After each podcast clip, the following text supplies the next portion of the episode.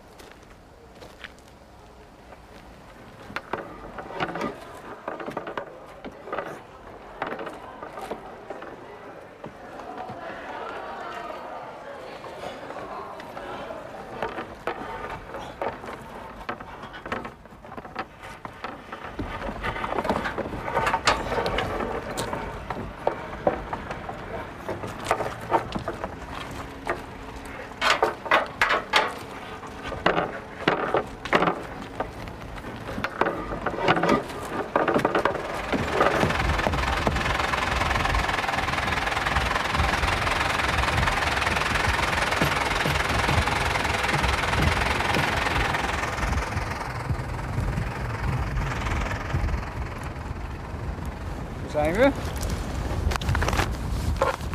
Zijn hier. Bij het bruine streepje, kan je dat zien? Hier. Ja. En hier zijn de gletsjers bij Lago Argentino. En daar is de Chileense grens, de Andes. En die moet dus daar zijn. Moeten we de Andes kunnen zien? Daar. Ja, ja, ja. ja. Met sneeuw op de toppen. Maar de, de weg houdt op. Tenminste, de geasfalteerde weg. En we moeten nou ja, meer dan 100 kilometer over een eh, soort grindpad. En daarvoor deden die controle. Was dat eh, om... eh, daar sloeg hij voor. Ja. Of de banden hard genoeg waren. Je kan zien dat de weg is afgezet. Een beetje winderig, hè? Het is behoorlijk winderig. Kan hij 130 kilometer per uur waaien. Heeft onze vrouwelijke gids ons verteld.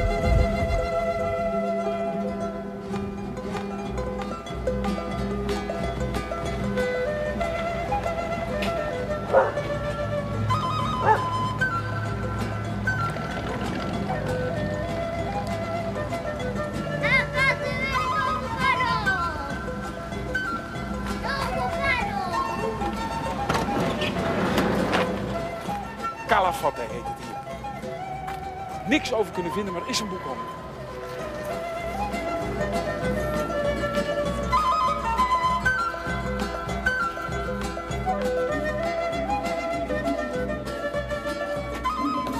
Ik zie een religieus boek over dit plaatsje. Let's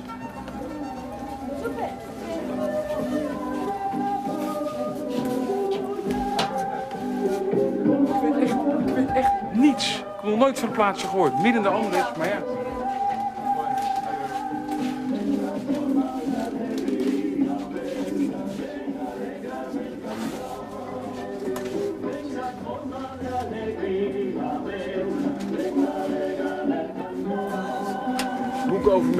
Ah. Ah. Dit is leuk. Ze hebben toch, nou, ze hebben veel meer dan ik dacht, hé. Alleen het beroerde is dat ik het. eh, ik kan het wel lezen. Over schrijvers uit hier de omgeving, gedichten. Ik kan het wel lezen Spaans, maar het duurt heel lang. Doe er wel tien, wat zeg ik, twintig keer zo lang over.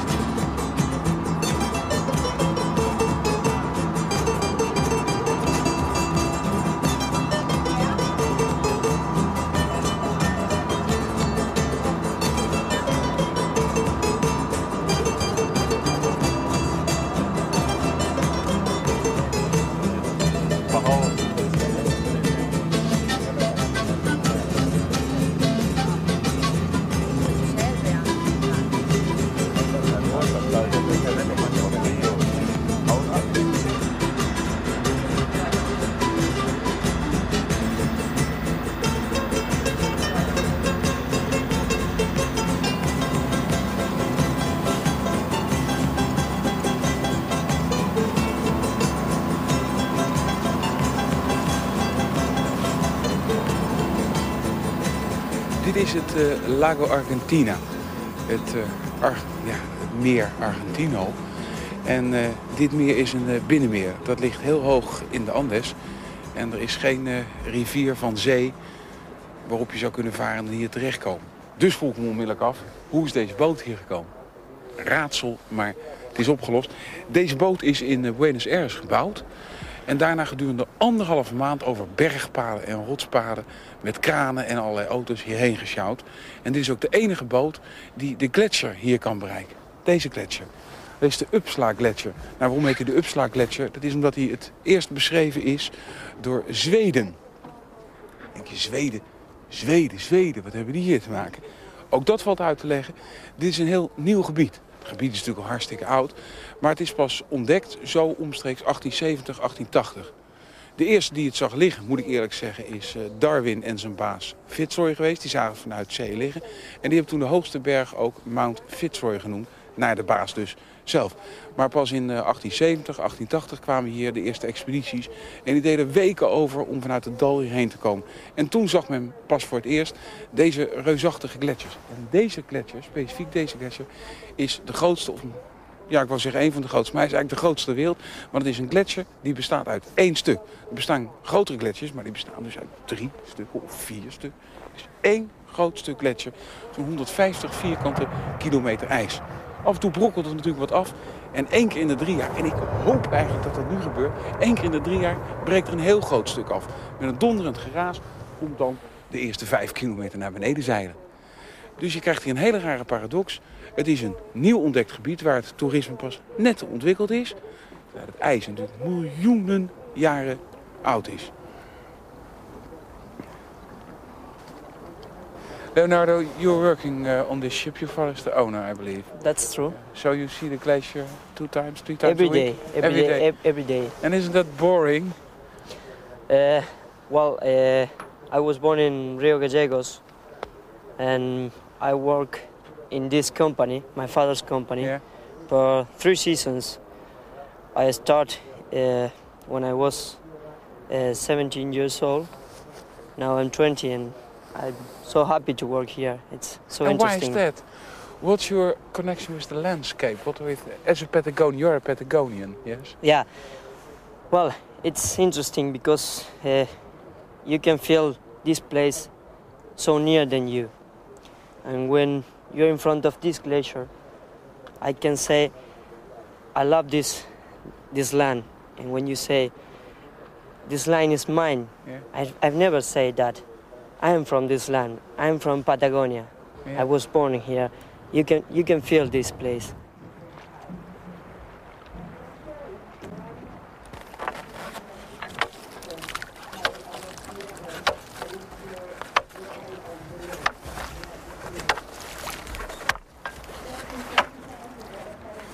But why are you doing this? Drink whiskey. Oh, voor de whisky. Dan gaan ze voor de whisky gebruiken. Dat schijnt eh, een stuk lekker. Er zijn whisky on the rocks met... Ja, dit ijs is miljoenen jaren oud. Whisky on the gletscher. Whisky on the, whisky on the glacier.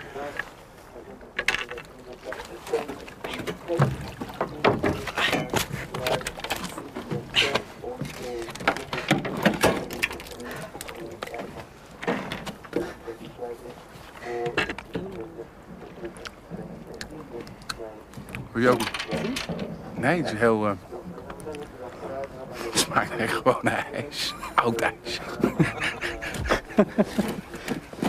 Ik kan er echt niks anders van maken. Ik wil hier wel lyrisch doen over de smaak van het pap. Ik vind het... Wil je een stukje zien?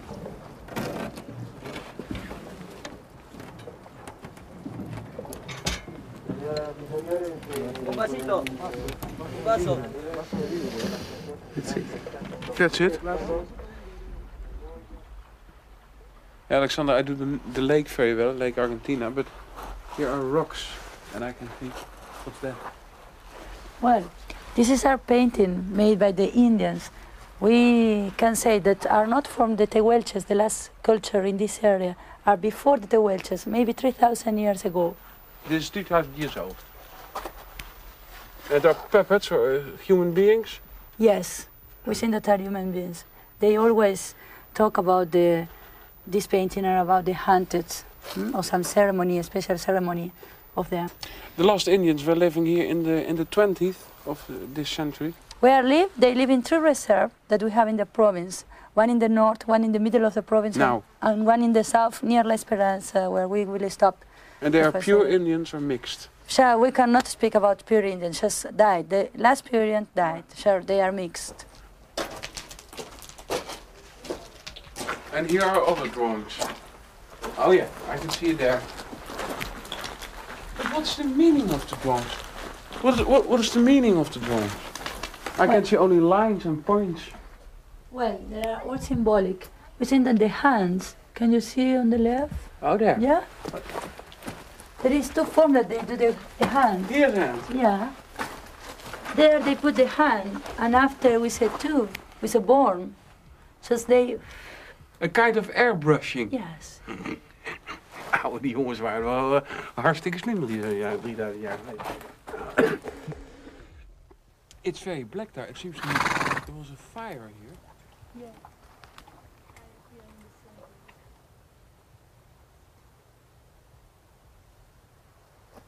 Dit is het museumpje van Calafate. Het is zondag dus.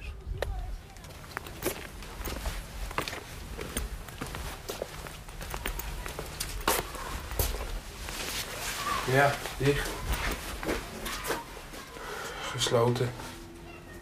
Voelen ze het druk?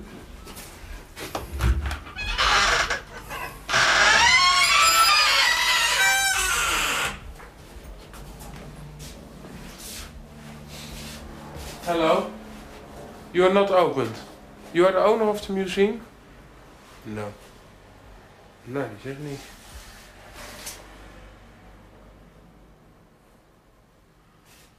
Nou? Mijn rugzakken met spul en glas. En daar, eh, hoe heet dat? Vuistbijltjes. En gesteentes, ook van vuistbijltjes. Gewone stenen.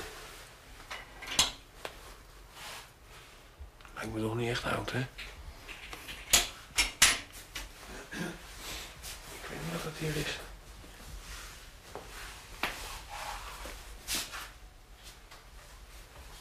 Zal ik mijn naam er maar inschrijven?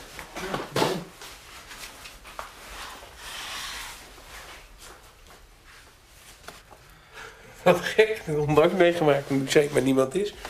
Dat twee heren iets onduidelijks zitten te doen. Die niks terugzeggen. Nou, de een. Ik weet een stuk meer over het plaats hier. Kom nu maar mee. Bye bye. Nou, dat is meegenomen. Kom er maar uit. En? Ja, we zeker echt een indruk. Hè? Oh, die keien. Het hield maar niet op te keien. Nou.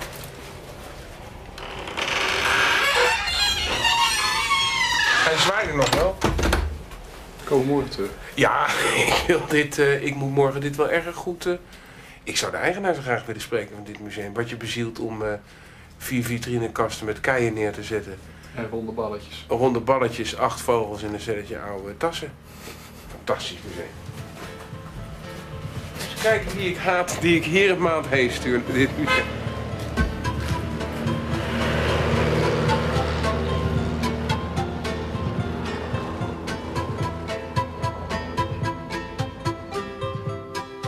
Bijna 500 jaar geleden werd dit land door Europeanen ontdekt.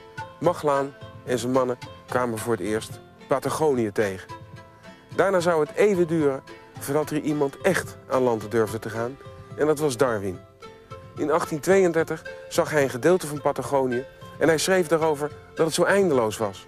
Je zag bergketens en daarachter velden die niet ophielden en dan weer bergketens en dan weer velden en het ging maar door. Het zou weer 50 jaar duren voordat mensen dit land in kaart gingen brengen. En dat was omstreeks 1870, 1880. En toen kwam er een mode op gang. Een mode van het boeken schrijven over Patagonië. En daar is dit een gedeelte van. Het is nu 1990 en ik ben op zoek gegaan naar de waarheid en de eenzaamheid achter deze boeken.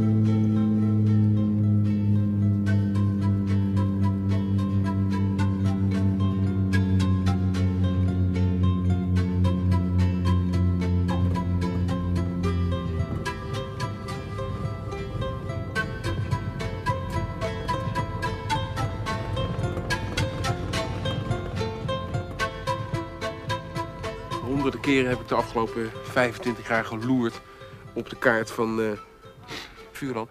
En het eh Beagle-kanaal, dat is hier. En we staan nu op de Argentijnse kant van het Beagle-kanaal. Aan de overkant zien we twee hele grote eilanden. Daar is Isla Navarino, dat is Chileens. En daar is Isla Oste, dat is ook Chileens, dat grote, wat een beetje in de wolk hangt. En hiervoor, het ronde eiland, heet Isla Redonda, gewoon rond eiland. En dat is nog Argentijns. Maar het interessantste is, ik kom een beetje naar je toe. Ik ben zo bang dat ik in dat gat daar val. Het is een beetje verrot hier. Ik heb namelijk water en hoogtevrees. Kan dat zo? Ja. Mm. Isla Oost is daarom zo interessant omdat zich daar in 1869 de eerste blanke man vestigde, bisschop Sterling. En die kwam hier eh, de vuurlanders eh, bekeren. En over de vuurlanders waren toen de meest verschrikkelijke verhalen bekend. Ze zouden heel groot zijn, ze zouden mensen eten, ze liepen altijd naakt rond en beschilderden zich als een soort Ku Klux Klan types. Nu klopt er een paar dingen wel. Ze waren inderdaad nogal groot. Niet zo groot als men in Europa dacht, maar ze waren groot. Ze beschilderden zich inderdaad met wit krijt, zagen er heel eigenaardig uit, maar ze aten geen mens. Die bishop Sterling, die dus daar zat, Isla Osten, die is slecht bekomen, want die is na twee jaar afgemaakt. En toen kwam Bridges hierheen. Thomas Bridges. En Thomas Bridges is een naam, die is wereldberoemd in heel Argentinië. En vooral op Vuurland. En dat is een man, die zullen we hier nog heel vaak tegenkomen.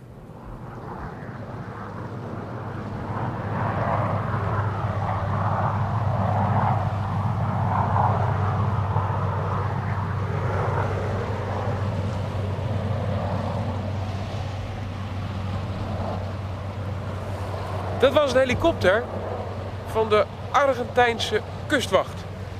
En die vloog precies op de helft van het Beagle-kanaal. Deze helft waar ik sta is van Argentinië en de andere helft is van Chili. En daar aan de overkant is een dorpje, Puerto Williams. Wij wonen nu al een paar dagen in de zuidelijke stad ter wereld, aan deze kant van het Beagle-kanaal, Ushuaia.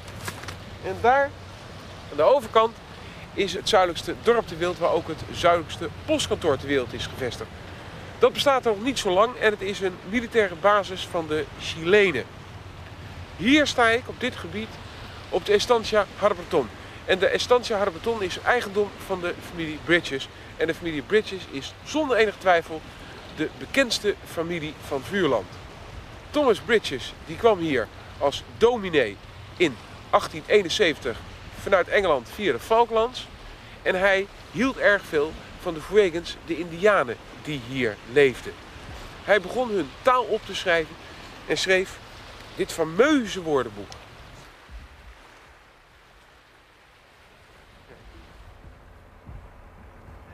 So, Mr. Bridges, you are also a famous name in Holland. Do you know that? No, everybody knows the book of your great My great grandfather, No, great uncle. great uncle. So, can you sketch the family? I don't know. You are married with My wife's an American. your wife's an American. Ohio. Yeah. I'm uh, uh, British. You have a British passport. Oh, yes. Yes, but your family lives here for a very long time. From Yes. from from when? Well, in Chilafo since 1870. 1870. So, and you know, we know all in Holland. A, a lot of people know the book, and that is your great uncle Great uncle. Lucas. Lucas. That's good. And Thomas was your great great uncle. Great great grandfather. Great great grandfather. It's very difficult for me, but no, rectify, rectify. It's the great grandfather. great grandfather. Yeah. And you've also uh, read, I think, uh, the Ottoman parts of the world. I haven't, no. No, you No. haven't. You're only or two. Why not? Because it's, fam- it's to do with the family. It's Yeah. family stories, and they just don't interest me. Oh, why is that? They don't. It's, uh, it's, it's very nice to have a famous family, in my opinion, but you don't like that. I prefer to be sort of in the background.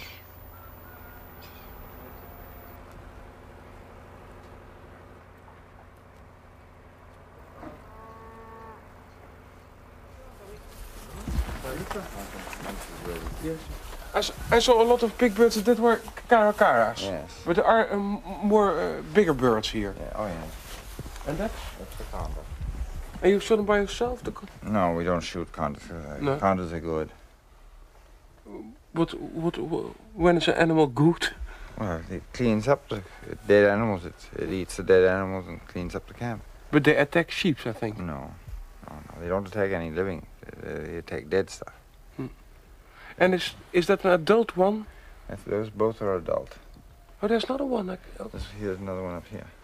How many condors are here? Are they rare now?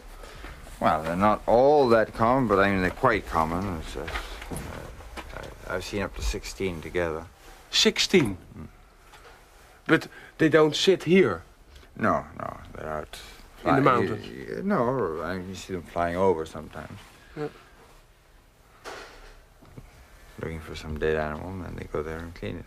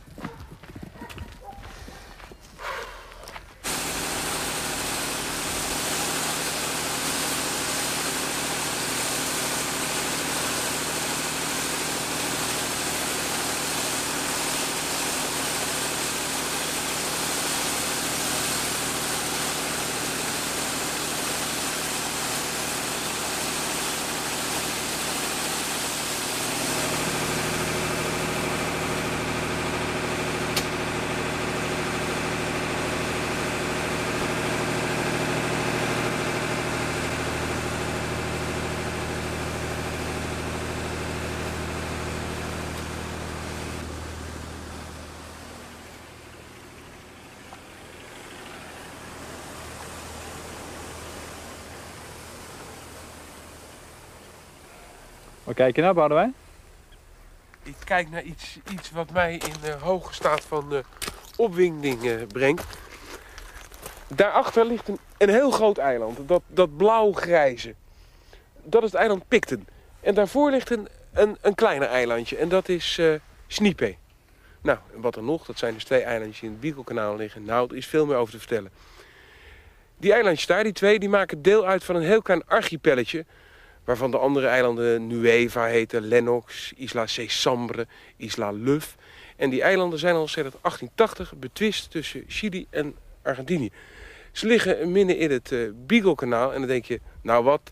Als je Argentinië bent, dan zeg je toch, nou Chili, je mag ze hebben. Nou, zo eenvoudig gaat dat niet. Want die eilanden hebben twee voordelen als je ze bezit. Eén, ze geven je theoretisch gezien een groter recht op een punt van de Zuidpool.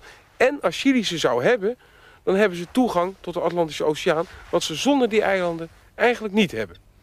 Maar ik moet even laten zien hoe de toestand precies is. Er zijn ongelooflijk veel boeken over dit uh, grensconflict uh, verschenen. En uh, ik dacht dat ik ze allemaal had, maar ik heb er hier nog tien nieuwe gekocht. En ik had er nog twintig bij kunnen kopen. Dit is een boek. Dat gaat over de bemiddeling van de paus. En hier ligt het eiland Picton. Dat grote eiland waar we nu naar kijken. Dit is voordat de paus een beslissing had genomen. Dit is een andere studie erover en hier kun je de situatie heel goed zien. Dit is Argentinië en dit is vuurland. Kun je het zien, Thomas? Ja. ja? Nou, en als je onder vuurland liggen drie kleine puntjes hier. Dat zijn de drie hoofdlanden. Picton, Lennox en Nueva. Wij kijken naar het grootste zwarte puntje, dat. En om dit eilandengroepje ging het. Het is nog niet zo lang geleden dat de paus een uh, beslissing heeft genomen. De paus heeft er lang over nagedacht. Er is een uh, dik rapport verschenen. En de paus zei, ze behoren aan Chili. Nou, de paus die was niet al te laat met zijn beslissing. Want vlak daarvoor dreigde Chili en Argentinië echt in een heuse oorlog met elkaar te geraken. In het Beagle-kanaal lagen 100 Chileense marineschepen samengetrokken om de aanval op Argentinië te openen. Dus je kan wel denken, het stelt niks voor. Maar er was bijna een nieuwe Falklandcrisis ontstaan om die rottige eilandjes daar.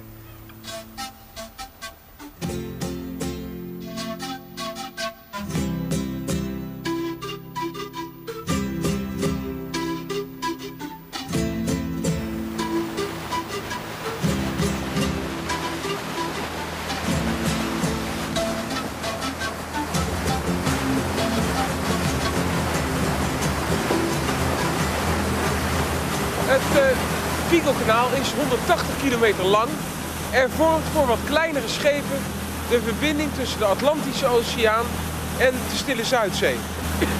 Hier is het gevaarlijkste stuk. Je ziet er allemaal kleine eilandjes en daar moesten die schepen in de 19e eeuw doorheen. Daarvoor durfde niemand er doorheen, nog erger, niemand wist dat het Beagle-kanaal er was. Maar zo omstreeks 1830 kwam men hier voor het eerst en toen waren de gevaren de eilandjes en de klippen die net onder het water zitten, die je niet kan zien. Er zal er toen natuurlijk uh, geen radar. Op deze eilandjes uh, zitten in sommige seizoenen veel zeedieren, maar er liggen ook een heleboel wrakken omheen. Die wrakken zijn bijna allemaal door de storm nu uh, weggewaaid. Maar er schijnt eentje verder een eilandje te zijn met een vuurtoren en daar kunnen we misschien nog een stuk van een wrak zien. Maar misschien is het leukste om hier te zeggen dat dit voor de zeevaart de allergevaarlijkste plek ter wereld is.